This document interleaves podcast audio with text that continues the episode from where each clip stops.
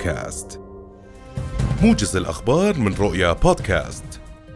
زار سمو الأمير الحسين بن عبد الله الثاني ولي العهد اليوم القيادة العامة للقوات المسلحة الأردنية الجيش العربي. واجتمع سموه برئيس هيئة الأركان المشتركة اللواء الركن يوسف أحمد الحنيطي واطلع على الأدوار العملياتية والتدريبية واللوجستية للقوات المسلحة.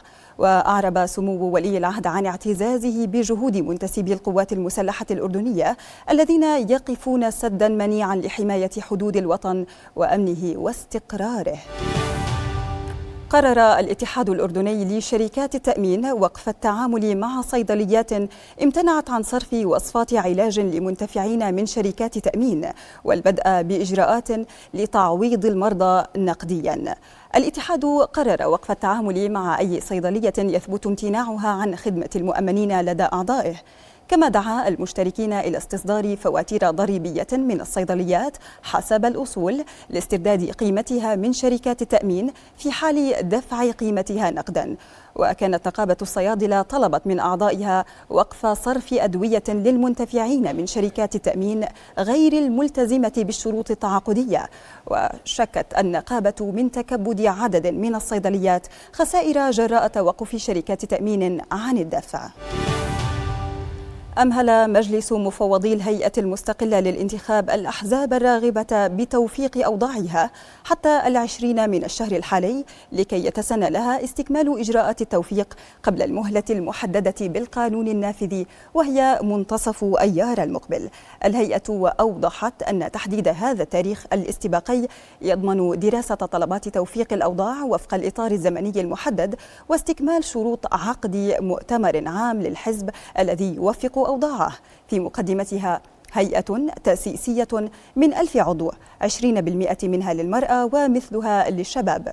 وتدرس الهيئة طلبات 15 حزبا لتوفيق أوضاعها وفق القانون الجديد. سبعة منها حددت مواعيد مؤتمرها العام.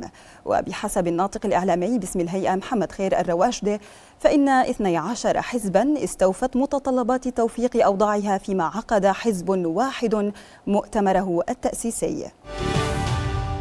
ناقشت اللجنة المالية النيابية استيضاحات ومخالفات ذات صلة بوزارة السياحة والآثار والدوائر التابعة لها وذلك في إطار مناقشة تقارير ديوان المحاسبة للأعوام 2018 و19 و2020 و21 رئيس اللجنة الدكتور نمر الإصلاحات أكد أهمية الحفاظ على المال العام وعدم التهاون مع المعتدين عليه مشددا على ضرورة إغلاق جميع الاستيضاحات العالقة وعدم تكرارها.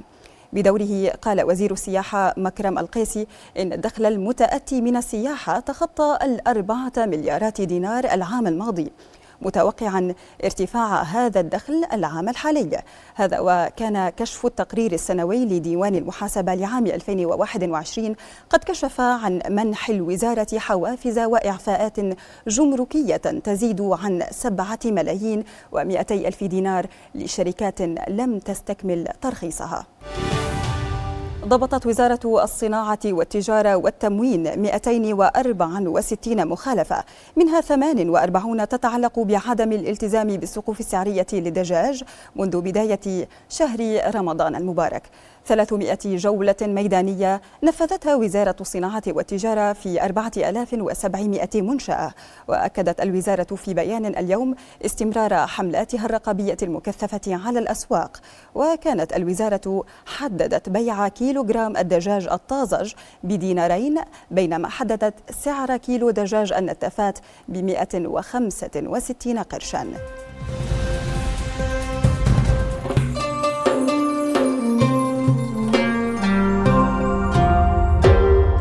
بودكاست.